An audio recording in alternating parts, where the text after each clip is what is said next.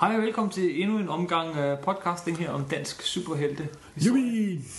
Ja, vi er nået til det afsnit, hvor du uh, bliver en del af dansk tegneseriehistorie. Ja, da Marvel-klubben startede. Nemlig. Prøv at fortælle, hvordan, uh, hvordan gik det til? Hvad... At det gik til oprindeligt, at øhm, de der Hulk, som der kom fra Martins forlag og Williams forlag der, de var begyndt at gå sådan ret godt, faktisk. Der var, de var sådan ved at blive lidt småpopulære. De var rigtig gode også. Ja, det var øh, Bill Malto og sat på skema, så vidt jeg husker. Nej, Martin. Nej, det var... Bill, Bill, Det var også på schema. Ja. ja, ja, og det var ikke også Bill Malto som forfatter? Jo, det er nogle af de Ja, 40. netop, netop. Det er der, hvor han... Uh, Hvor han bliver intelligent og bliver hædret af staten, og de rejser en titanium, titaniumstatue af ham. hvor Frank Millers Daredevil kører om bag. Ja, ja, netop. Besøger sammenligning, men det er også... Men altså, så var Henning Kure, der var, øhm, eller, der var albumchef på Enterprise. Han var også begyndt at interessere sig for Marvel. I for han læste jo Miller og Byrne og sådan noget, og så sagde han, mm, det kunne jeg godt tænke mig at gøre noget ved, så den bliver kørt ordentligt og så videre. Og så fik han rettighederne. Hvordan fik han dem? Er du klar over? Nej, det ved jeg ikke. Der ved jeg ikke, hvem han, som han har vred arme om og vred arme om på. Det var sådan en skygge. Altså, altså sådan rettigheder, det er sådan en skyggespil, som jeg aldrig har, så aldrig har deltaget i. Vi er i 1983 på det tidspunkt. Ja, netop. Og det lykkedes ham at så få rettighederne. Og de skulle fik vi så for øh, det 10. måned i 1984, altså oktober, øh, november, altså oktober, 1900, der skulle vi starte. Og så vidste Henning jo, at jeg kunne Marvel-universet forfra og bagfra, og så gik jeg ned i Fantastisk og spurgte mig, om jeg havde lyst til at være med. Hvordan kendte, hvordan kendte de hinanden? Nå, vi, vi, vi, vi, vi, vi kendte hinanden sådan for, vi havde nogle fælles venner, og, og fordi at vi er hang nede i butikken, og han kom der også, og vi, vi kendte sådan perfekt hinanden. Og så spurgte han, om det var, var jo selvfølgelig, det lød da enormt spændende, synes jeg. Og så tilbragte vi hele sommeren 1984 med at sidde og rode hele min samling igennem. Fordi Hennings idé var, at der skulle komme en marvelblad hver uge. Og der skulle komme tre nye farveblade. Et, øh, et Spider-Man, et Hulk og så et X-Men. Og det var til X-Men, som han var ret forhibet på at få udgivet på det Det, tidspunkt. han var. Ja. Ja. Og så skulle der komme sådan et en gang om måneden sådan et tykt 100 sider sort-hvid, der skulle handle om fortiden i Marvel-universet. Og så sad vi der og fandt ud af, hvordan vi skulle sådan bygge Marvel-universet op på ny. Efter at Vinter jo havde herret med deres den sorte kat, der døde før hun dukkede op, og folk kom tilbage for døden, før de var blevet slået ihjel. Og Der havde været meget, meget rodet. ja, kronologi var ikke Vinters stærk side, må man sige. Hvordan, prøv at fortælle lidt om de, øh, de sommeraftener der, hvor, hvor har I siddet? hen? Jo, vi sad oppe, der boede jeg i sådan en lille etværelses lejlighed ude i Søndergade, op, op på toppen. Og så øh, tilbragte vi sådan en 4-5-6 dage med det. Hvor I øh, sad med og Ja, så rodede vi det hele igennem, og så fortalte jeg jo Henning sådan om marvel og hvad der var sådan hoved episoderne med Galactus-trilogien og med S.H.I.E.L.D. og med Captain America og den Cosmic Cube og sådan ting.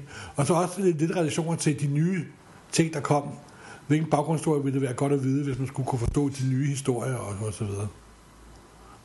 Så hvis man skulle læse øh, Projekt X eller X-Men, som aldrig har været på dansk, så skulle man måske læse de her numre af de gamle X-Men. Og det, Ja, og ja, for eksempel også det med... Øh, øh, åh oh, gud, det er, så, gud, det er mange år siden. Men det hele så giver folk en fornemmelse af, for eksempel så kan vi kunne køre Kree skoldkrigen af, så den første gang man møder krig Kree og Skolds og så videre. Forklare det. Altså, altså lave sådan en slags grundlæggende Marvel-univers, så folk altså, tager alle hovedpunkter i Marvel-universet. Kree, Skold, Galactus, Øhm, hvem er Captain America, hvem er Avengers, eller Alliancen, som vi kaldte dem. Og, og så skulle de sort sådan tage alle højdepunkterne fra Marvels fortid og hvor, hvor, hvor, hvor langt planlagde I? Altså, hvor grundigt? Og vi, vi, vi, vi, øh, vi planlagde et år. Eller rettere sagt, vi planlagde 14 måneder. Hvor der, Det var meget præcist. ja, fordi at øh, fra med slutningen af 85 og starten af 86, der var salget ikke helt som forventet. Men der var salget ikke så meget, at det kunne klare en, et, øh, sådan et ugenligt marmelblad. Okay, men på de der seks dage, der får I alligevel planlagt. Nej, nej, ikke på seks dage. Det var meget, meget, meget længere. Kom jeg i tanker om, faktisk. Der, der gik vi til et par måneder, hvor vi rodede rundt med det. Og så mødes en gang med og Henning lavede lister, og jeg forklarede ham sådan og sådan og sådan, og så læste han det og syntes, det skulle laves lidt om, og så skulle jeg jo lære, hvordan man sådan kunne manipulere med historien. Det var Henning god, god, god til, så Og klippe dem, at klippe og klister, som vi kaldte det senere. så man kunne få det hele presset ned på, på Ja, ja også det, men altså også øh, nogle gange, når man læser historien, så har man jo sådan lidt bagkonstabens gyldne lys, eller bag, eller hvad det nu hedder. Og så kan man sådan øh, redigere det lidt sammen og gøre det lidt mere strammere og så videre. Er der et eksempel på det i nogle af de danske sort-hvid blade? Det er dem, vi, hvis det er dem, vi snakker om. Bup, bup, bup. Det kan jeg faktisk ikke engang huske. Det er virkelig pinligt. Det tror jeg faktisk ikke. Jo, jeg tror, det der Captain Marvel, der engang kom, det var lidt ulykksaligt. Det solgte ikke specielt godt. Men der kom der tre af dem. Ja, og det var fordi, det kørte over i Kree Skull-krigen. Så det var faktisk kun det første, der var rent Captain Marvel. Der tror jeg, hvis vi havde klippet og klistret en del, for, for at få sådan forhistorien til, til Captain Marvel, og hvad var krigrasen for noget og sådan noget.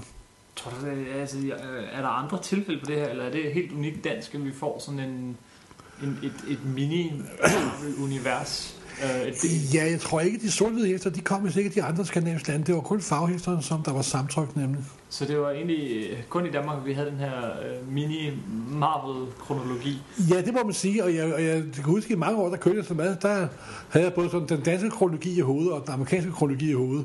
Og der var sådan med, at den danske kronologi, der var byttet om på nogle af tingene. Noget, der, noget, der skete før andre, og så videre. Det var bare sådan små ting. Man skulle bare lige være opmærksom på, når man så sad og oversatte bladene. Så skulle lige rette tilbage til dansk kronologi. Og hvis, hvis det ikke havde kommet på dansk, så kunne man måske lave lidt om i teksten. Og... Ja, netop. Men der var jo det, altså det største problem, vi havde, Henning og mig, det var jo, at vi vidste, at Secret War, det ville ske på et hvad, tidspunkt. Hvad, hvad er det? Det var den der, den første store begivenhed den her, det er nu meget præget, meget præget amerikansk tegneserie for øjeblikket, det der event. Der er et stort, der er et stort sommer-event, hvor alle møder hinanden. Men første gang det skete, det var med Secret War faktisk. Det er i, hvad, hvad den her for 83, 84? Eller På 85? engelsk? Ja. Uh, det, det passer meget Det godt. er midt i, midt i 80'erne. Ja. Og der var problemet, at de hulk, som der er blevet udgivet på dansk, de var to hæfter fra. To hæfter fra. To hæfter fra. Så vi foretog en hård opbremsning med hulk. Hvad var det, der skete for Hulk efter den event? Bare lige kort fortalt. Det var, da han kom tilbage fra Civil War, der var han blevet vild igen. Ja, så, så man vil have mærket. Ja, ja, ja. Bestemt. Der, der, der var masser, og man så ham også gå, gå ind i porten og forsvinde, og, og der havde vi jo besluttet, at det skulle ske samtidig i alle bladene. Mm. Både hulkbladet og i, og så i Æderkoppen og i Fantastiske Fire og sådan noget. Så, så I skruede tiden tilbage? Nej, vi skulle tiden tilbage øh, fra øh, kun for Hulk, fordi der var kommet så langt foran alle de andre. Og så følte vi Hulkbladet i det næste helt år med lidt, lidt inferiørt materiale i forhold til det, der havde, der havde været faktisk. Aha. Men så kunne vi også få øh, Æderkoppen og Fantastisk Forbag Æderkoppen, og så Project X, X-Men til at passe sammen kron- kronologisk. Så det hele ramte Secret Wars samtidig. Så det var igen en, en, en mini-Marvel-ting på dansk. Altså, Så simpelthen, simpelthen. det hele kom på en gang. Og, Og jeg tror, at, og, der, og det var sådan sikkert noget, der skete halvandet år senere, men vi ramte Secret War der. Ja, lad os øh, vende tilbage til Hulk og de enkelte blade, og hvad, hvorfor I valgte hvad i de første hæfter og alt sådan noget. Lad os vende tilbage til det om lidt, men lige starte med de sort-hvide der. Hvad, hvad var det for nogen, du sagde, der skulle komme? Og hvad, hvad, Altså, det, var det, det, det, jeg, det, jeg gerne ville have, det var for eksempel, at folk skulle have selve kremen af Fantastic Four. Og det er efter min mening fra nummer 44, og så frem til omkring nummer 60. Det er der, hvor Kirby tegner virkelig godt. Det er der, hvor Kirby virkelig springer ud i fuld flor, og hvor mm, 44 starter med, at de møder Inhumans første gang. Så kører den over, at de møder Galactus og Silver Surfer. Øh, kommer også negativ zone, Black Panther. Og så det store afgørende, næsten ground zero i hele Marvel-universet, det er jo da Dr. Doom får Sølvmandens kræfter, eller tager Silver Surfers kræfter. De fire hester der, 57, 58, 59 og 60, det er stadigvæk et af de allerstørste højdepunkter inden for amerikansk Marvel. Mm-hmm. Jeg bliver sådan helt lyksalig hver gang, jeg tænker og tænker på dem. Og de kom så i de der sort-hvide hæfter. Og købet fungerer meget, meget godt på sort-hvid, så det var så, det gjorde som, som man ikke noget af, det ikke var, var, var i farver. Og så øh, med, med Spider-Man, der udgav vi de der gamle Romancer-ting. Som øh, noget af det var kommet på dansk. Noget af det var kommet på dansk, og noget af det var ikke kom- kom- kommet på dansk. Men nu kunne man lige pludselig forstå, hvordan det hang sammen. Netop, netop, net, netop. Og så lavede vi også Captain America. Ja, Og det var jo, det var jo, jeg synes, vi var en stor satsning, fordi altså, de fleste mennesker synes jo, at Captain America er den mest tåbelige superhelt på den jord. Mm. En mand i det amerikanske flag. kaptajn Amerika. Give me a break, ikke? Men jeg har altid, det har altid været en af mine, en af mine favorithæfte. De to hæfter, der kom der på dansk, det er jo dem, dem her, trækker man i vid udstrækning på i den film, der var lige... Ja, netop, netop. Det er, det er faktisk det, det der handler om med uh, The Red Skull. Ja. Og den kosmiske cube, eller De- den totale terning, som vi kommer til at hedde på dansk, tror jeg. Det er flot oversat. Men, øh, men, men, øh, men det er faktisk nogle af de mest refererede til hæfter overhovedet i, når, i, i Marvel. Ja. Så hvis ikke de var kommet på dansk, så havde det... Nej, nej, og så fik vi også udgivet de der tre Starango efter at Captain America på dansk. Mm-hmm. De kommer også i de to. Ja, de kommer også i de der sort hvide hæfter efter der. Men men de er solgt fint. Ja, altså Henning, nu her mange år efter, kan vi jo godt fortælle, at Henning var jo ekspert i at få salgstallene til at passe, når det skulle være. Han, når man lavede kal- kalkyler, så er det jo meget let at lave kalkyler, efter at bladene var tæt op, hvor mange der var solgt. Jeg ved ikke, hvad der foregik. Altså, den del af, af, af bladproduktionen, den overlod jeg trygt til Henning, og så senere trygt, trygt til Michael. Det har altid kun stået for det rationelle linje, og så oversætte. Mm. Det der forretningsmæssigt med at få lånet trykker og få det til at passe økonomisk, det har jeg altid blandet mig ud af. Nå, men og, og udover dem, hvad kommer der ellers? Der kommer... og så, så, så skulle vi også have præsenteret Miller for folk jo. Og det er først lang tid senere. Nej, fordi øh, Jo, for det første Marvel-klub, der kom overhovedet, det var jo en Ah. Miller-historie jo. det er rigtigt. Og det var Men- med, det var med vilje. Men det vil jeg ikke have, vi snakker om endnu. Nå, nå okay, det der er værd. Det er æderkoppen. Lad lige de, de hæfter, der kom, de Nå, første. så sortet hæfterne. Sort-hvide hæfterne. Lad os lige gøre dem færdige, fordi det er jo, fordi Project X, som det kom til at hedde, X-Men, Hulk og Spider-Man, de fungerer, ja. de, de, ud, de fungerede nogenlunde kronologisk. Ja, det var sådan, øh, de tre farvehæfter foregik i nutiden, Yes. og sortet hæfterne foregik i fortiden. Jamen, det er jo lidt ligesom film. Så simpelthen. Men øh, lad os starte med dem. Øh, lad os lige gøre, gøre dem færdige. Der kom jo også øh, Warlock. Ja, det var noget senere faktisk. Det var først i 85, 86, var det 87. Okay. Men, men der, der kom to Warlock-blade, og de var jo... Der kunne man alt det gode Jim, Jim Starling ind på, på en gang. Det var, det var nogle fantastiske numre. Jeg vil huske, det, jeg, jeg, jeg, det var også nogle af de allerførste hæfter, som jeg oversatte. Der kom der Dr. Strange på dansk. Ja, Mesteren. Mesteren. Det allerførste hæfte, som jeg nogensinde oversatte. Og det var den der Frank Brunner-historie, der var helt fantastisk, hvor han rejser tilbage i tiden og ser hele universets skabelse simpelthen. Hvordan gik det til, at du kom til at oversætte? Det, det var fordi, at jeg ville, jeg ville synes, synes, det kunne være sjovt og sjovt at prøve. Og så oversatte jeg mesteren. Og så samtidig så holdt ham, der hed Hans Hansen, han, han stoppede. Han oversatte det meste af det første år af det der danske farvemarvel. og så øh, hende, der på daværende tidspunkt producerede de danske marvel, der hed Dorte Jensen. Hun spurgte, jo så ikke havde, havde lyst til at oversætte æderkoppen. Fordi der var Dr. Strange med nemlig. Det der Miller-nummer. Tror jeg, det var. Og så Ja. Så oversatte jeg æderkoppen derfra og de næste 250 numre. Så det var to gange Mesteren, eller to gange Dr. Strange der, Det var Dr. Strange, der, der var skyld i, at jeg begyndte at oversætte Marvel i 19 år. i, i meget lang tid. Øh, de sidste tre øh, serier, der kom, eller hæfter, der kom, det var, øh, det var Thor. ja, Thor. Så, hvor der var det, vi skulle præsentere, hvem Thor var. Hvorfor egentlig? Fordi han dukkede næsten aldrig op igen. Nej, men jeg ved ikke, det var for at få noget købetor på, men det var, jeg tror, det er de hester, der solgte aller dårligst. Det, og det var, vi skulle også have ham der, vi, vi troede også ham der, der High Evolutionary. Nej. Det, men jeg tror aldrig rigtigt, at der var faktisk den oprindelige sort plan, vi lavede. Den, den holdt ikke helt. Vi blev nødt til at skære nogle ting ud, nemlig. Nå. Hvad, havde, hvad, havde, hvad blev I nødt til at skæve? Og det var generelt nogle Spider-Man-hæfter, og så nogle flere Captain America-hæfter. Vi har, vi har faktisk planlagt flere. Også Spider-Man. Ja. Men de kom jo så måske mange. ja, de kom så lidt senere, men der var det i farveudgaveren, der kom sådan langt oppe. Det var først i 90'erne, som jeg husker. Øh, men øh, ja, Thor, så var der Alliancen. Altså, Ja, og det er jo, der er jo, altså, alliancen er jo selve opdrejningspunktet i Marvel-universet, set ud fra mange synspunkter, synes jeg. Og der vil vi, præs- der vil vi præsentere alliancen. De Og det- Avengers. Ja, netop. Og det gjorde vi så med det der tykke sort efter der. Hvad var det, der kom der? Øh, det var de der oprindelige gamle jump på schema historier der var virkelig gode, må, må man sige. Hvorfor, hvorfor var det lige dem, der skulle komme på dansk? Og det er også der, hvor The, The Vision dukker op første gang, så vidt jeg husker. Er det ikke? Var det, var det ikke Jo, det var det allerførste. Ja, ja, Alliancen har, ja, har netop. Vision på Ja, forsiden. netop, netop. Jamen, det stod for mig som sådan en af de mere ikoniske historier. Og det var Vision var en figur, som folk skulle vide, hvad var, fordi han var jo meget indudværet i Marvel-universet på det her tids- tidspunkt. Så, men der var ikke sådan, altså, så præcis overordnet var planen jo heller ikke.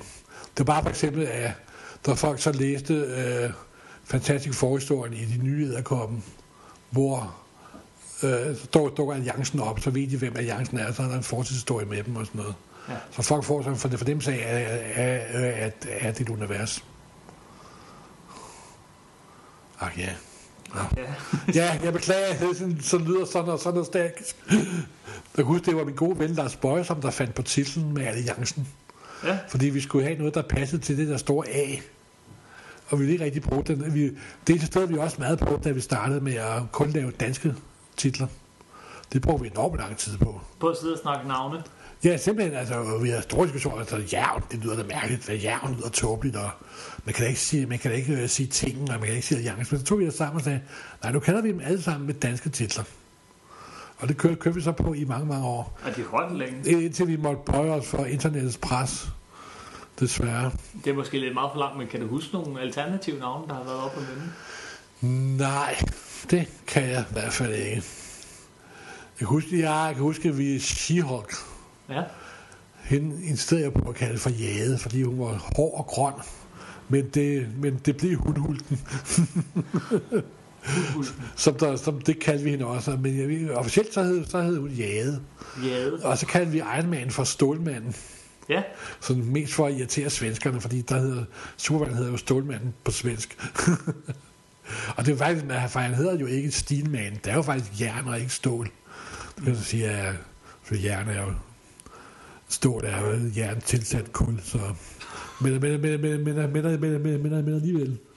Så det blev til Stålmanden. Og Jævn, Jævn var jo faktisk øh, dukket op, øh, Wolverine, for, Ja. øh, skal vi lige, så faktisk var jo dukket op nogle, lige et par år for Ja, ja, der kom nogle underlige spor. Der kom også nogle album. Øh, nogle hulkalbum. Men han dukkede, op, han dukkede ikke op i album, han dukkede op i det normale blad. Ja. De første øh, af de der hulblade Ja, på et tidspunkt. Men der valgte vi altså at bare skære hårdt, og nu kalder vi dem danske navne. Ja, jamen, der hed han Ulvemanden. Ulve, det gjorde han sgu da også, ja. Ulvemanden. Og så var jævn bedre, synes jeg. Okay.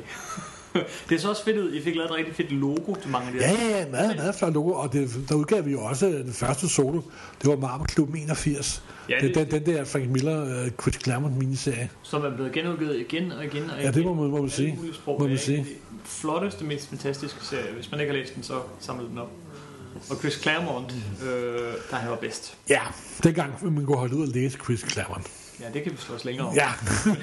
Nå ja, den senere historien er senere hen, så mener jeg, at Chris Claremont blev en smule ordrig. Men jeg skulle selvfølgelig også oversætte. Det er måske derfor, jeg synes, han blev lidt ordrig. Der er rimelig mange talbobler. Til gengæld får man meget for pengene, når man læser Chris Claremont. Mm-hmm. Øh, men øh, nu er jeg lige ved at tabe tråden, kan jeg høre. øh, jo, øh, Jærgen, som jeg sagde, det, det blev et rigtig lækkert logo, I lavede der. Og Ja. Æderkoppen var også. Og sådan, Altså, vi, vi, vi, vi, simpelthen, vi, vi simpelthen lavet nye logoer til det hele. Når du siger vi, hvem, hvem lavede de logo? Jamen, det var nogen, som Henning kendte, og den der tegnestue, der var på Interpresse. Jeg tror, det var en mand, der hed Thor Batson, Thor Batson eller sådan noget. En meget, meget, meget dy- dygtig øh, grafiker, Ja, der, der arbejdede på Interpresse på det tidspunkt der. de holdt mange år, de logoer. Ja, og de også, altså, nu, nu siger, det der jernlogo, det var pisseflot simpelthen. Også Alliancen. Ja. Æderkoppen, det skiftede så, men, men det holdt det ret længe, de første æderkopper. Ja, ret, det kunne det jeg slet ikke tænke på. Logo. Gud, ja. Jeg tror nok, han hed Thor Batson eller noget den tid. Mm. Han var utrolig dygtig grafiker. Det var meget Dengang, det, var, det her var jo tiden før, der var noget, der hed Mac-computer og indscanning og så videre. Så der foregik det med papir, blyant og fotoapparater og så videre. Så videre. ja. ja. og retteblæk og knive og alt muligt. Man klippede logoet ud, og så lagde man det ovenpå. Man skar det ud, og så lagde det ind og filmede det over, og så kom det på reproafdelingen og reproanstalten, og der blev brændt plader, og du gode Gud, simpelthen. Så en verden, de har levet i.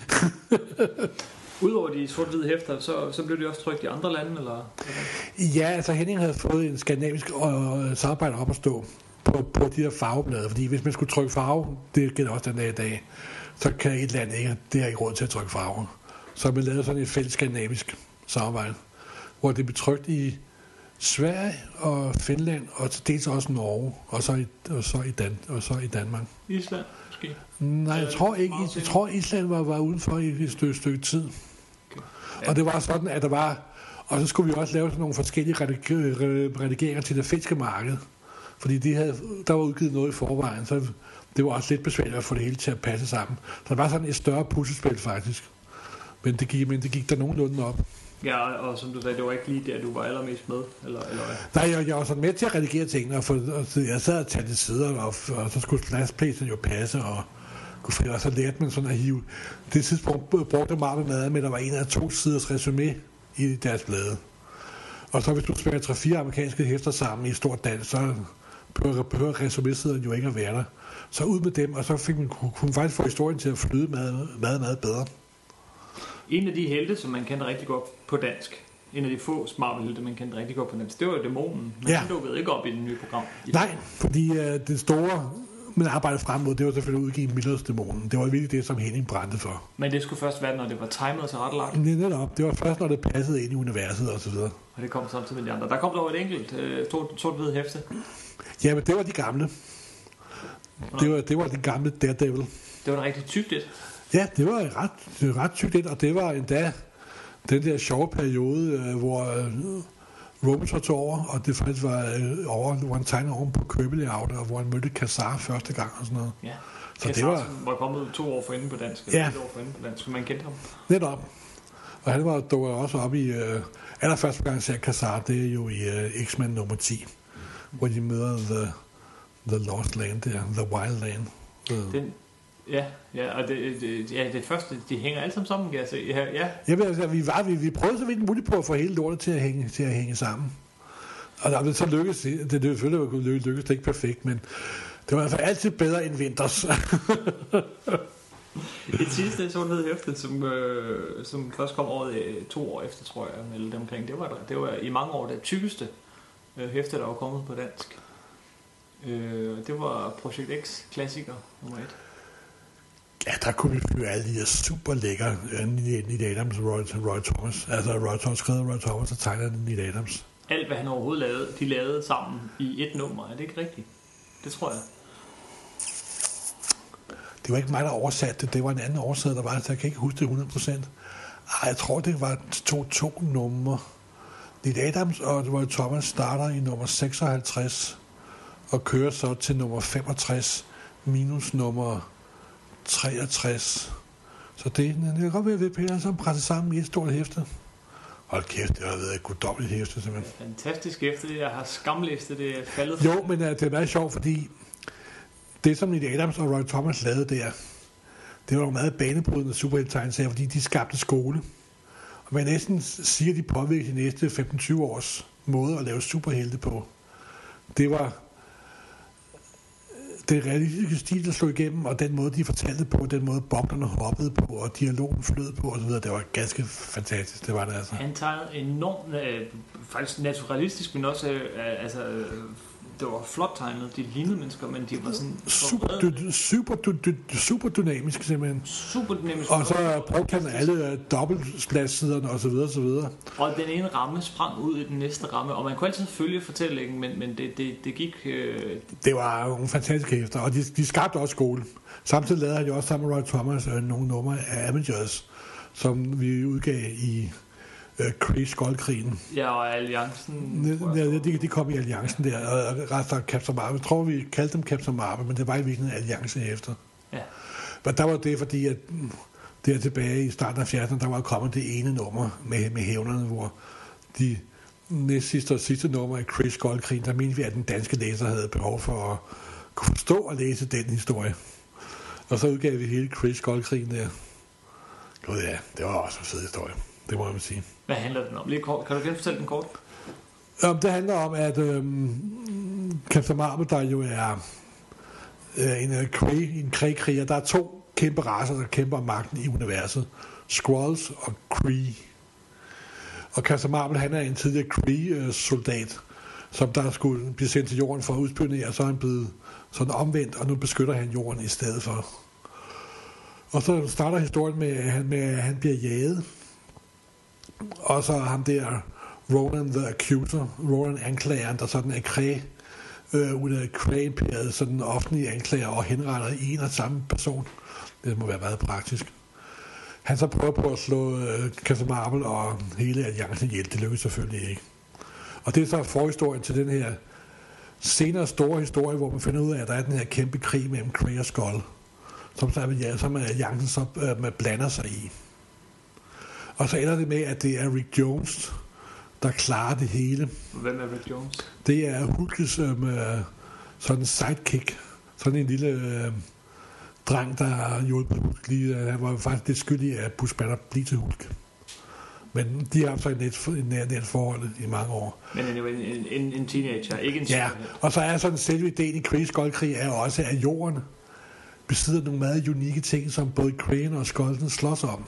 Fordi menneskerassen har potentiale til at udvikle sig til et højere stadie, som både Cray og Squall havde, sådan havde øh, tabt. Og så ender det sidst med, at Rick Jones han bliver manipuleret af The Ultimate Intelligence. Ham der den er den store leder af hele Kree-imperiet. Og så vælter det frem med, det er typisk Ron Thomas, pludselig vælter ud af hjernen med gamle øh, Marvel-helte. Rick Jones, og så løser alle problemerne, og sådan for, i, i, sådan en, i ganske få sekunder er Rick Jones det mest magtfulde væsen i hele universet, og så lukker han hele krigen ned. Det, det lyder lidt mærkeligt at skulle sidde og genfortælle Chris Scott-krigen, fordi det, det, er en lang, det er en lang historie, og den hænger måske ikke super godt sammen. Men på det tidspunkt var det første gang, at der havde været de rigtig lange kosmiske eventyr, som der senere er kommet så mange af senere. Men det var banebrydende. Det, det var banebrydende, og det er altid stået som lidt forklaret sker for de, for de, de, de, diverse fans. Det når, man, når, når, når, man så læser den i virkeligheden, og læser den fra ende til anden, så kan man godt se, at den er sådan lidt hullet, og det hænger ikke sammen. Men det, det, det, det, det, det er Neil Adams, der har tegnet meget af den, og dengang Neil Adams var god, eller mærke. Ikke den, han er blevet til nu, der var nærmest er tragisk. Øhm, så er det nogle fantastiske tegneserier. Og så var markeret, eller er det også den periode af, amerikansk Marvel, hvor det ligesom er ikke skaberne af Marvel, der laver Marvel, men dem, der var fans af det, skaberne af Marvel lavede. Altså det er ligesom den første generation af tegneseriefans. Jo, ja, jo, ja, det, er, det er jo korrekt. Altså Roy Thomas var jo en af de første fans, der kom ind og fik arbejde. Og han har altid været en rigtig solid forfatter. Jeg har altid været en meget stor fan af så Roy Thomas. Ja, han, udover han lavede X-Men, nævnte du, hvad han lavede? Ja, så han jo, så skrev han, han skrev masse, han skrev Thor og altså, han skrev sådan alle superheltene. Men han var mest kendt for at bringe Conan ind i, til Marvel. Som han op gennem 70'erne, der var ham, der styrede hele dem med Conan. Og så bliver han jo også chefredaktør for Marvel. Mm. Hvad der ikke passer ham specielt godt, tror jeg faktisk. Altså efter Stan Lee, så var det Roy Thomas, der tog over. Stan Lee trak sig mere, altså omkring 70 begyndte Stan Lee at trække sig ud. Han begyndte så flyttede, så, han, så flyttede han til Hollywood. For begyndte at pleje deres medieinteresser derovre. Med, med hensyn til film og tegnefilm og så videre, og så videre. Okay, men tilbage til Danmark. Og ja, ja, sorry. 84, 85, øh, og det var alle de sort-hvide hæfter, vi lige kom igennem. Milepæle og... Det må man sige, altså det er sådan hele øh, grundvolden, hele, grund, hele grundskældet for Marvel-universet. Og som læser har man sådan for første gang kunne få sådan en eller anden oplevelse af, at det hele hænger sammen, det hele er et stort univers. Vi, vi, vi var med, og så skrev jeg også min faste klumme. Sådan min brevkasse og min sæbekasse, som lidt, øh, det, det Stan lige skrev i det amerikanske blad, det hed Stan Lee's Soapbox. Ja. Så havde jeg sendt min sådan en egen lille ramme der, hvor jeg sådan prøvede i hvert over at forklare, hvis der var ujævnheder, eller der var nogen, der var, der, der var min lige, at så læseren lige skulle have en lille ekstra forklaring med, og i det nummer skal du lægge mærke til den og den på den og den side, og det er virkelig ham, du mødte i det forrige hæfte, og grunden til, at han har grøn dragt på, det er på grund af, at der skete det og det, og, og så også alle de der henvisninger, der var i bladet til andre historier, dem sad jeg jo, jo og lavede om, så det passede perfekt med alle de danske blade. Så der var en henvisning til en amerikansk historie, der ikke var udgået på dansk, så lavede jeg bare historien om. Jeg lavede bare teksten i boblen om, så det passede sammen. Så det var sådan lidt ministeriet for sandhed, der arbejdede, må man sige. Hvad var det for nogle, øh, hvad var det for, for nogle øh, øh, blade, der, der kom her på dansk? X-Men, hvad var det for en periode? Det var selvfølgelig der, hvor John Byrne og Chris Claremont startede. Ja, det, og det var lige der, hvor Byrne startede. Det var og, og vi, udgav, vi, vi udgav jo også i Stortud, der udgav vi jo også øh, de gamle. De kom mange år senere. Det var først mange år, det var det sgu da også, ja. Ja, ja. Nej, men vi besluttede, at øh, vi ville godt starte der, hvor Magneto havde fanget X-Men. Så vi starter faktisk med at se Magneto på side 1? På side 1. Er, er det første X-Men ja. er skur. Nu, nu skete der desværre den fejl, da de blev produceret det allerførste projekt X på dansk. Det var den forklarende tekst, der skulle have været på indersiden af cover 1. Det kom en fejl til at komme på indersiden af cover 2. hvor vi havde lavet sådan en Xavier i rullestol, der forklarer med velkommen til det nye blad, og så videre, og så videre. Det sagde han så på den næste side. Det var, Gud, Henning var lige ved at ryge op i sagt. Han gjorde det sikkert, men jeg var ikke til stede, men Henning var eddikesur over det, fordi det var det, han var mest kælen omkring, det var Project bladet Og det første blad var sådan lidt mislykket. Og, og forvirrende sikkert? Ja, det var også på grund af, det var ikke mig, der oversatte det nemlig. og der var en anden oversætter på det tidspunkt, og han havde ikke helt forstået det, hvad vi mente med at oversætte og lave om, så det passede. Uh, ja, det kan jeg godt genkende. Ja, fordi øh, Men... det, der, det der nummer, det er nummer 100, det er, det er X-Men nummer 112. På det tidspunkt var både Avengers og andre supergrupper i hele Marvel, altså de var opløst i sådan en historie, der foregik, de var så gendannet nogle måneder senere. Men så står tv-reporter og snakker om, ja, X-Men er væk, og Alliancen er opløst, og The Champions er også væk, og, og det havde oversætteren jo bare oversat direkte simpelthen. Uden at tage hensyn til... Uden at tage hensyn, og jeg var ved at få et følt på tværs simpelthen. Så, men ja, det er fortid nu. det går stadigvæk ondt. Og så har vi også fået lavet det, at vi faktisk fik tegnet en ekstra side til bladet. Fordi det handler om, at X-Men er fanget sådan under en vulkan og så videre, og så videre. Men så lykkes det jo Storm at slippe fri, for hun er jo gammel, øh, hun er jo gammel listetyv.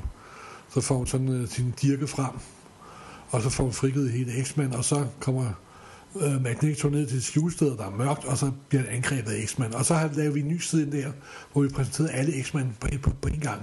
Der fik vi en uh, tegner på Enterprise til at tegne en side. Og det var ikke op til Burns standard, det må jeg nok ærligt indrømme. Det, det kunne til nød gå. Og jeg tror ikke faktisk, der var ikke så mange, der lagde mærke til det faktisk, at det ikke var, at det var en falsk side. Der er sikkert mange den dag i dag, der tror, det er en amerikansk side. Der havde vi fået tegnet en dansk side og puttet ind, hvor vi så kunne vise, at her har vi jern, og her har vi kyklop, og her har vi marmelpigen, og her har vi bæstet, og så videre, så videre. Okay. Og så kører vi derfra med John Byrne og Chris Lammers farve, mm. og mhm. med deres fantastiske X-Men. Fantastisk, fantastisk periode, og, ja, ja, og i øvrigt det... fuldstændig ligegyldigt, at man ikke har fået et resume i starten, fordi noget af det mest fantastiske ved X-Men er, at, at man Jamen, man blev bare revet med på sådan en bølge af, hvad Ja, så kom de jo til det vilde land, der var flere numre, og så kom de jo til, til, til Japan, og så dukkede Alpha Flight op, og så gav vi også Alpha Flight på sort-hvid, og så videre, og så videre. Og, jamen, det, det, var, det, var, det var sjove tider, og det hang sammen, og så videre. Og de gode tider var jo sikkert et års tid halvandet. Så var salgen jo ikke så god, så var vi jo til at skære ned og skære fra og skære, skære til. Og det første, der røg, det var? Det var Project X. De døde for første gang, men bestemt ikke sidste gang. Det var faktisk anden gang, de døde. ja, og, ja, og de, var, de var kommet før med X-Men på dansk selvfølgelig, ja. Øh, men, men de blade der, uha, de, og de er faktisk, de gik jo hen og blev nogle af de allermest øh, sjældne og, og sværest at, at finde og dyreste øh, for alle dem, der gik og samlede bagud på dansk. Øh, det har jeg godt lov været for, for skålet for. Men, øh, et nummer som, øh, som øh, hvad hedder det, der hvor Phoenix dør. Ja. Det har kostet over 200 kroner nogle steder. 200 kroner? Du gode gud. Øh, jeg gav jo selv... Phoenix, øh, ikke Phoenix. Phoenix med ø. Phoenix. Okay. Phoenix med ø. Phoenix. Phoenix. ja, men altså igen, det er de numre, der kommer her på det her tidspunkt, som danner grundlag. Også for de film, vi ser senere. Det er også før Wolverine bliver en kendt person. Der er et fantastisk nummer Jern. på dansk Jern. med, med Jern, Jern. hvor han render rundt alene nede i kloakkerne, tegner af Burn. Ja, det er jo... Best og ja, det er jo, Claremont. Der og hvor de er mod helvehundens, helvehundens loge. Og vi finder ud af for første gang, at han er bedst til det, han gør, og det, ja. han gør, det er den bedste til. eller hvad nu hed. det er ikke særlig rart. Han er den bedste til det, han gør. Eller, og det, han gør, er, er ikke bedste. Rart. Nej, det er det. jeg finder aldrig nogensinde ud af, hvad det egentlig er, han gør. Nej, dengang så så man jo ikke så meget. Man hørte bare en snitlyd, og så ja. de, andre, de andre medlemmer på der så forfærdet ud. altså for, for dem, hvis der er overhovedet nogen lytter her, der, det, der er nok ikke nogen af dem, det gælder, men hvis der er nogen derude, som kun har set filmen med Wolverine og ikke læst tegneserierne, Ja, men det var Cliff og Burn, de var virkelig i topform. Det var, det var virkelig, det, virkelig godt stof. Det varede nogle år, og så kom de desværre op og skændes. Det passede så egentlig også med, at det nummer, hvor det stoppede, den første omgang på dansk, det var også der, hvor det gik hen og blev lidt dårligt på engelsk. Ja, ja. Der var sådan et helt år, hvor de rendte rundt ude i rummet mod sådan nogle aliens-kopier. Åh, det, ja. Det gør ikke så meget, det, Det, ikke nej, det, det stoppede faktisk på, på et meget, meget godt tidspunkt, må man sige. Ja, og så har det startet op igen nogle år senere. Det var så også en rigtig god periode. Men øh, tilbage til Æderkoppen. Ja, Det første nummer, første nummer Æderkoppen, det var jo en Frank Miller-historie, hvor vi havde taget det der øh, øh, årshæfte, hvor han møder Punisher, mm-hmm. som Miller lavede samtidig med, at han lavede sin, øh, sin meget berømte Daredevil på det tidspunkt. Og til Dr. Octopus, og det er med Daily Bugle og J.J. Jameson og Punisher og Æderkopper. Det er et fantastisk nummer. det er et fantastisk nummer, fantastisk tegnet. Og godt store, fortalt, og- Tynde, lange, brede. Ja, ja, det var et virkelig godt nummer at starte med. Og så havde vi fundet sådan en lille backup-historie for at introducere Fantastic Four og sådan noget bag, der ikke var specielt god. Men, men det var dog det med. for et nummer? Det kan jeg ikke huske. Det er, det er nummer 10, 1984, hvor vi brugte, og, og forsiden var faktisk sådan en reklameplakat, jeg havde hængende. Der, der var reklameplakat fra Marvel Team Up, hvor Spider-Man møder hele Marvel-universet. Så man så sådan, at æderkoppen kom svingen, og så var hele Marvel-universet bag ham, Ja. med alle masse figurer, som folk kendte og ikke kendte osv. Så, så det var et meget, meget godt nummer at starte. Jeg kan huske, jeg var enormt stolt af det første nummer der. Det er det allerførste, og så havde vi også indført det med, med de her Marvel-klub-numre. Nemlig, der stod Marvel Klub nummer 1 Netop. på om- Æderkoppen nummer 10. Så man skulle læse dem, hvis man virkelig ville følge med, og virkelig var indikeret fan. Eller indikeret. Indikeret. indikeret fan, ja. Ind- Indigneret. Det var der mange af. ja. Det var først senere. Så skulle man læse med Marvel Klub nummer rækkefølge. Ak, ak, ja. Og så kunne man også, så var der sådan en speciel abo-ordning, så folk kunne abonnere på det hele. Og Hvor mange, øh, kan du huske, hvor mange læsere der var på det vare? aner det, jeg aner det simpelthen ikke. Jeg, jeg, anelse. jeg har ingen anelse om det. Men det har været helt andre tal, end hvad man finder i dag, og du kunne købe de her blade i kiosken. Det er dengang, der var kioskkultur i Danmark. Kiosk på hvert gadehjørne. Og, og da de så, øh, nogle af bladene bliver nødt til at lukke og sådan noget, så har salgstallene for de blade sikkert også været afsindigt meget højere end... San, san, sandsynligvis, sandsynligvis. Nå, men det var, det var Æderkomet, og så var der Fantastic Four bag. Hvad, hvor, Ja, det var, det var John Byrne Fantastic Four. Men det var jo Æderkoppen. Hvorfor skulle der være Fantastic Four bag? Fordi vi, vi var helt... Altså, de to serier, som vi brændte for, ja, tre serier, det var X-Men, Fantastic Four, og så Frank, Frank Millers øh, Daredevil.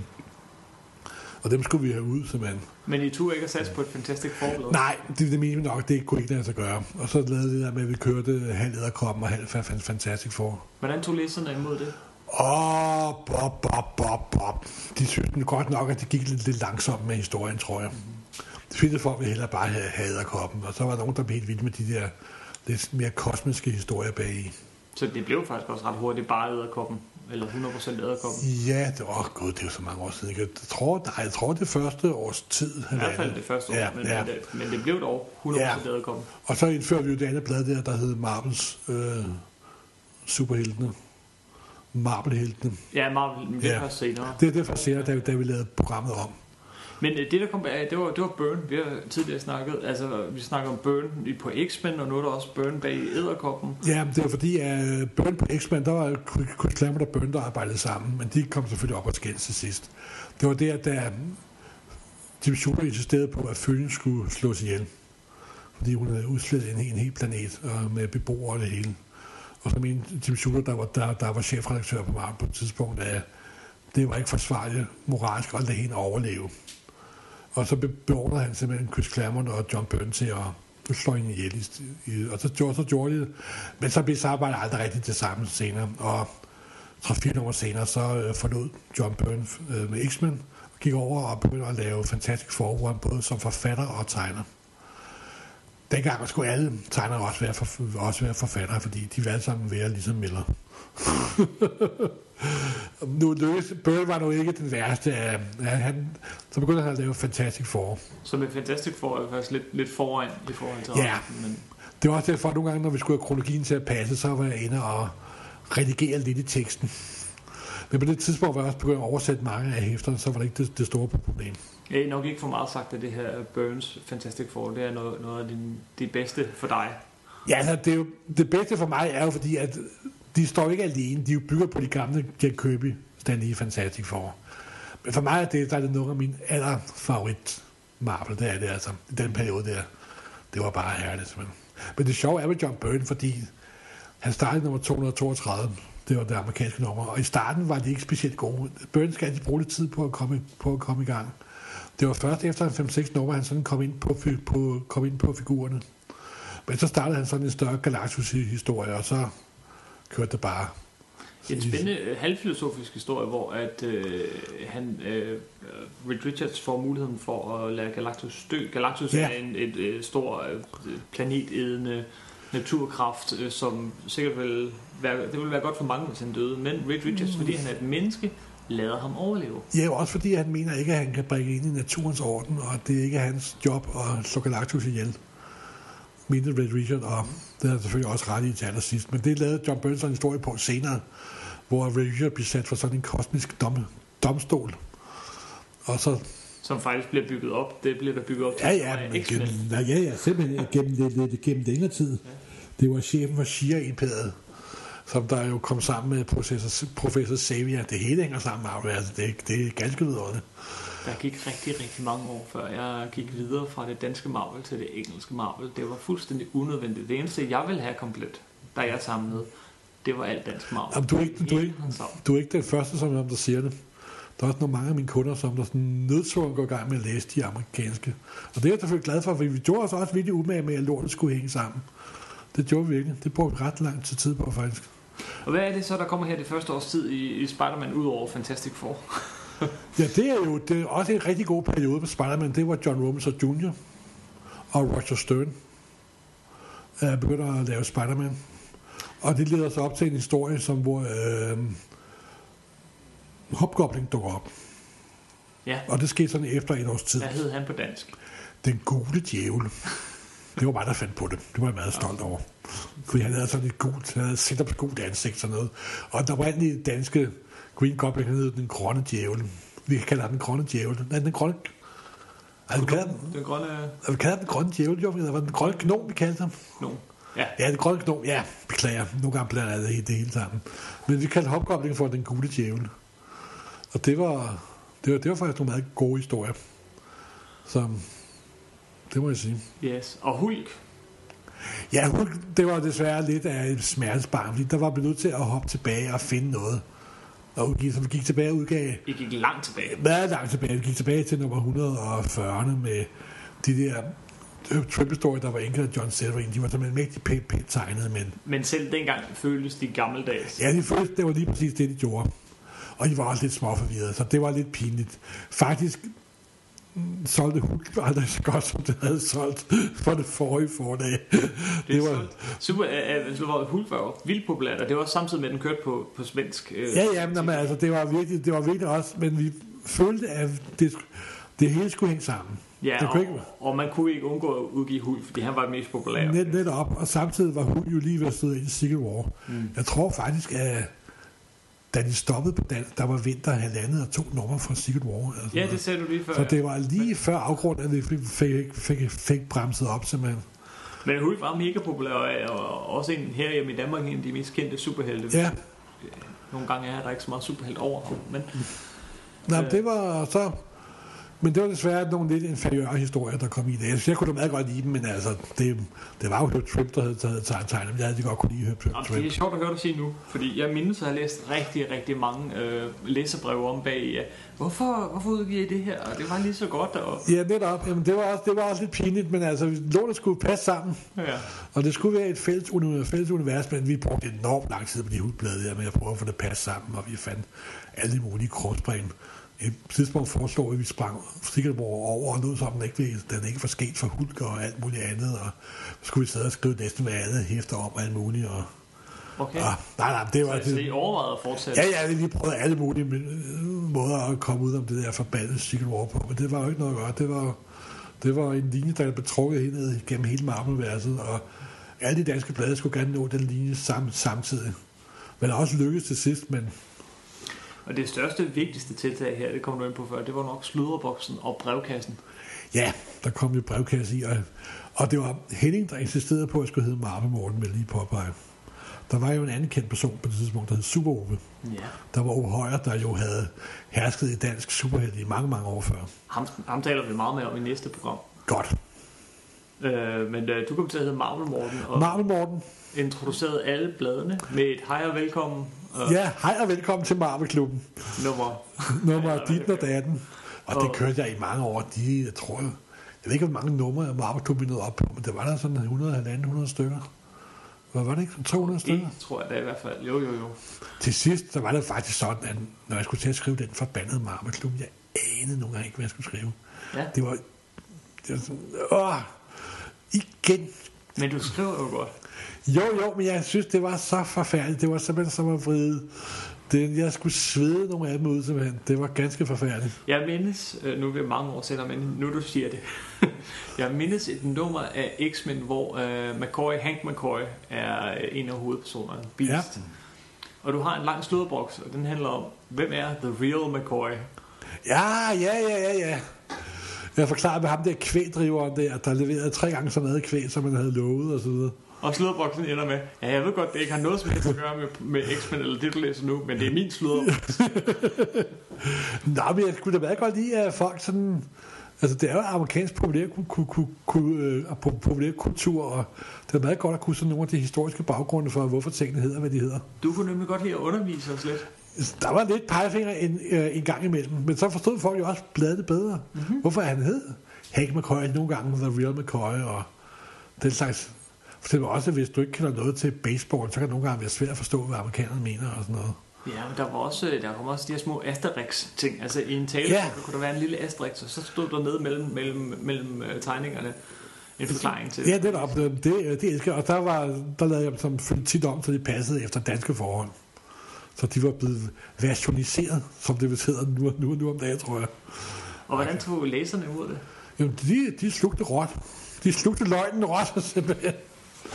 Der er altid nogen, der, der brokker sig, og der er heller nogen, der lader mærke til, at jeg tit og ofte skrev sider om, og Nej. lavede andre handlinger og sådan noget. Men det var jo ikke så meget, men altså, det var sådan små justeringer. Det var mest hulk, folk brokkede sig over.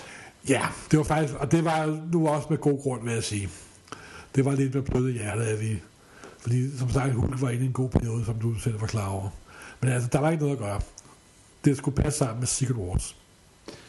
Er der nogen af de her læsere, som skriver, er der nogen, er der, nogen der gik igen? Er der nogen, der sådan popper op? Ja, det var, der, der var en, der hed... En, der hed Bæk, tror jeg, han hed.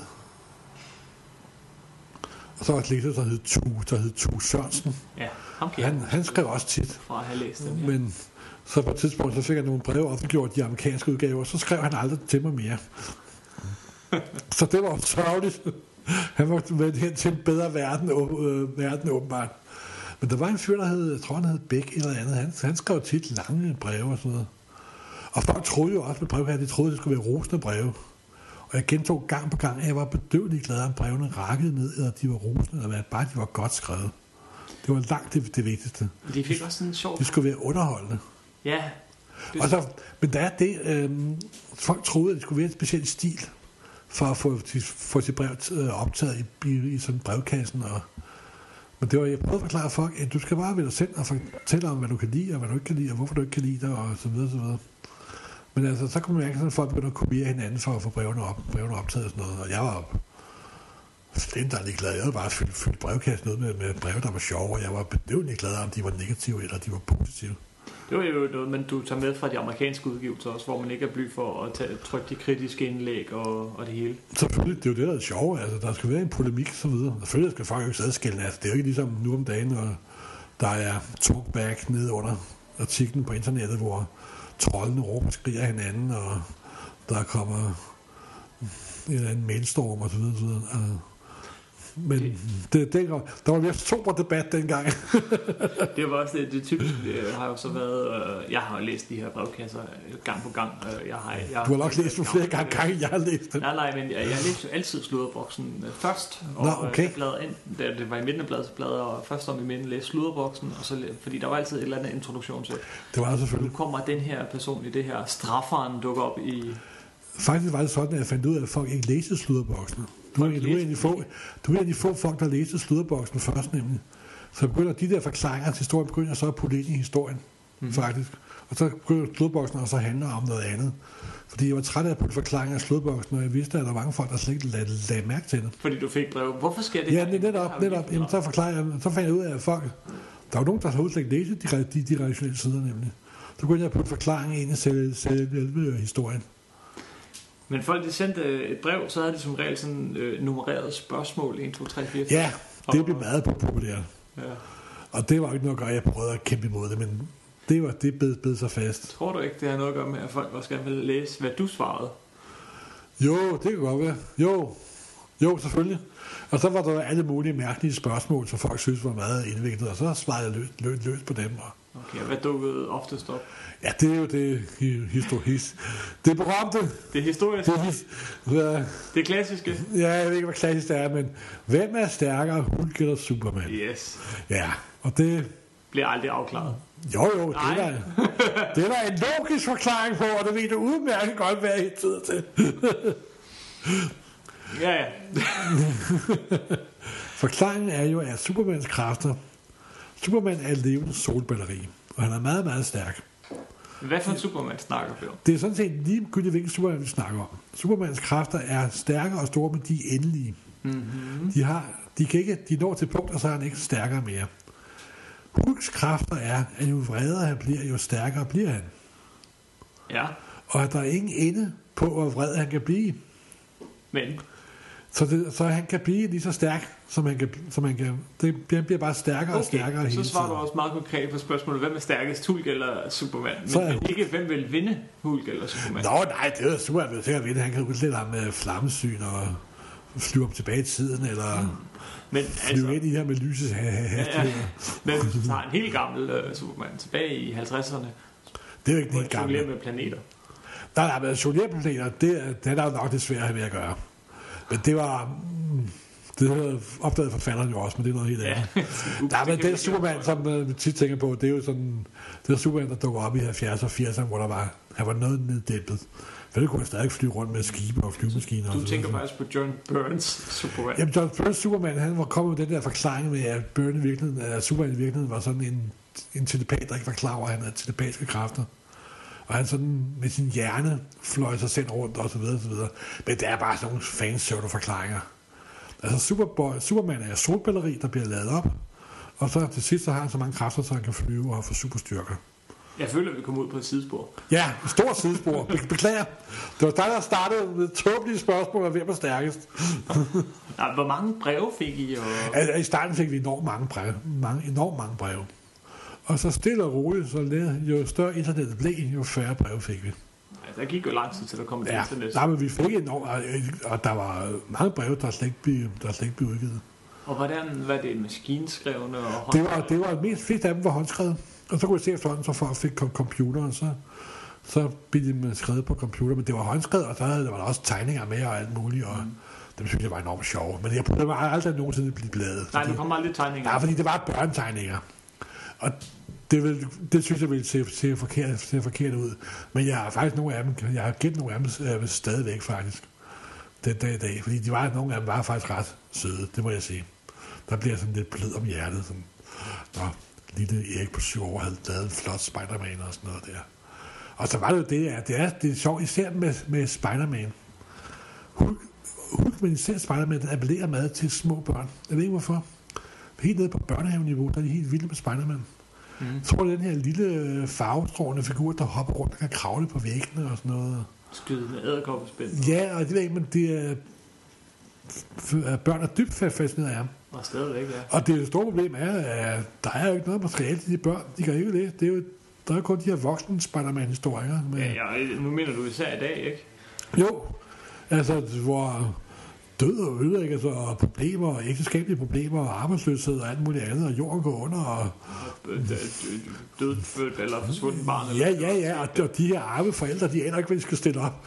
Fordi uh, så må, så må ungerne nøjes med at spille, nu kan de jo spille Spider-Man på computeren og så videre, så nu går det. Nu. Dengang, dengang her i, i 1984, sådan, så de fleste historier, det var derfor, I kunne komme øh, Fantastic Four bag, der de fleste historier var jo sådan 22 sider eller deromkring, og så Ja. ja. den historie egentlig ude, og så fortsatte den næste nummer, men ikke så meget, som de gør nu, hvor at, at du bliver nødt til at læse næste nummer for at få en færdig historie. Nej, altså, nu om dagen er det næsten, det er seks nummer gange, fordi det skal passe til trade paperbacks.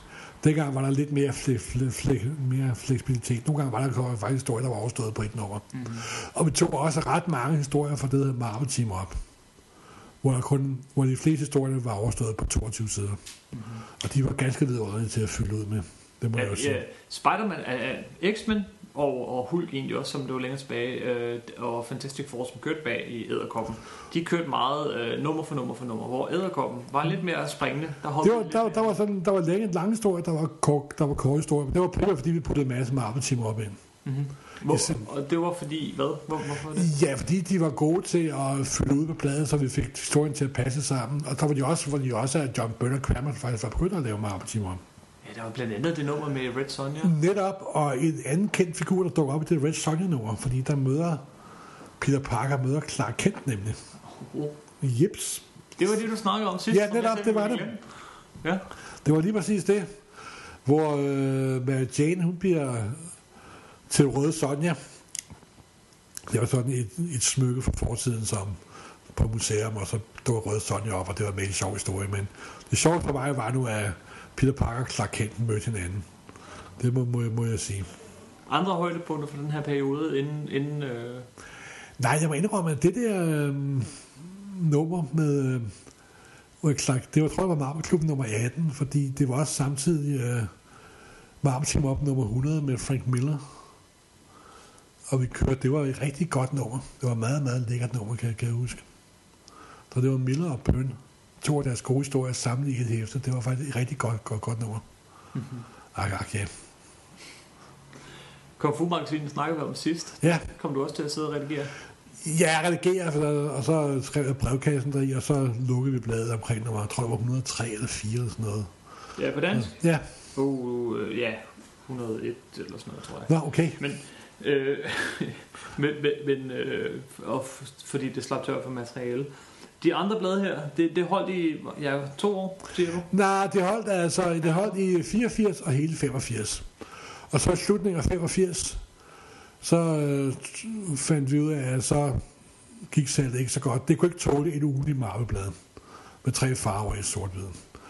Og så øh, skar vi det ned, så der kom øh, 48 blade om året. Mhm. Nej, 24 blade om året, undskyld. Så der kom sikkert et marveblad hver anden tredje uge. Og det gik så hen og blev øh, øh, Spider-Man, og så et andet blad. Et andet blad. Ja, og der, det, hvad, det var forskellige blade. Så begyndte vi også på det, der hedder Marvel Superheltene, hvor vi så optrykte længere historie med Fantastic Four og Avengers osv. Men især Fantastic Four. Ja. Vi fik faktisk trykt en ret stor del af John Byrnes Fantastic Four på dansk. Og så lige en ting til, som er helt lidt, det vi lavede jo også et klubblad. Ja, For jeg var medlem af Marvel-klubben, så fik man en gang om året tilsendt et specielt blad, som kun medlemmer af Marvel-klubben kunne få.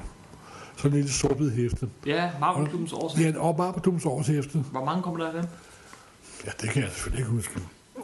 Nej. Men øh, jeg ved, at det er nogle af de mest efterspurgte blandt samlere, fordi øh, der vil kun trykke dem, der var medlemmer af klubben. Så de er, mange af dem er ret sjældne. Men de var helt sort-hvide på forsiden og bagsiden. Der kom Ja, de var, øh, de var sort i starten, og så kom der en senere, der gik det over til at blive farver. Men der var det primært øh, gamle Spider-Man-historie, vi, vi trykte. Men I, I trykte også noget. Ja, men Ja. i den periode var, var det faktisk materiale. Jeg tror, det er der første, det er der første, det var øh, X-Men nummer 1 og 4, så vidt jeg Ja, husker. det var det. Ja. Og at Jack, Jack Kirby, så det var også fedt at kunne, kunne fyre, fyre, fyre det af, faktisk. Og lidt senere, et, et jeg, jeg har været ude og køre, det var Captain America af Frank Miller. Frank Miller. Altså, Simpelthen. Nummer, med en Elektra-historie uden en eneste talebog. Ja, simpelthen, det var taget fra Bizarre Avengers nummer 22. Faktisk, hvem der to eller tre gange på dansk, den historie. Nå. Det var. Ja, okay, godt. Øh, og hvad mere? Så har der været Fantastiske Fire års efter, har der ikke? Eller husker jeg forkert? Nej, det mener, det mener jeg ikke, det mener jeg ikke, der var. Hvad har der så været års efter? Jeg tror ikke, vi lavede Det nogle årshæfter som sådan. Det mener ikke. års efter Marvel-klubben. Års efter. Nå, årshæfterne. Jo, der var også fantastiske firma med John, John Byrne. Nå, Blandt andet den der med, hvad nu hvis, John, hvad nu hvis Fantastic Four ikke havde fået deres kræfter. nå. Der lavede John Byrne også en med en what-if-historie med. Og så var der også en what-if-historie med, øh, hvis man Murdoch var blevet, øh, var blevet Agent of S.H.I.E.L.D. og sådan noget. Er, øh, på dansk? Ja. Ja. Okay. Ja. Øh, der kommer en hel masse spændende faktisk i perioden, efter øh, vi kører ned, øh, I kører ned til, til to. Ja, så, så, så finder Marvel-klubben jo det format, som den havde i mange, mange, mange, mange år. Mm. Hvor det kørte med 24 blade plus nogle specielle udgivelser hen ad vejen. Ja, og nogle enkelte albums og så videre. Ja, og så, fik, og så kom der også det store Magnum Opus med, at Henning fik udgivet sine seks sort hester med Daredevil, Frank Millers Daredevil. Lad os gå lidt mere i dybden med dem. Ikke øh, måske næste gang eller næste gang igen. Jeg tror, vi skal lige hoppe et par skridt tilbage næste gang og snakke øh, DC. Jeps. Snakke Super Solo, snakke Superman. Og, snak, og snakke Super Ove. Og snakke Super Ove. Ja. Øh, ellers så er det her et meget godt sted at stoppe, er det ikke? Jo, det lyder stort et sted at stoppe. Jamen, vi fortsætter med, næste gang er det Super Ove, og derefter jamen, så bliver det øh, Mere Marvel-klubben. mere Marvel Klub. Mere Marvel-klubben.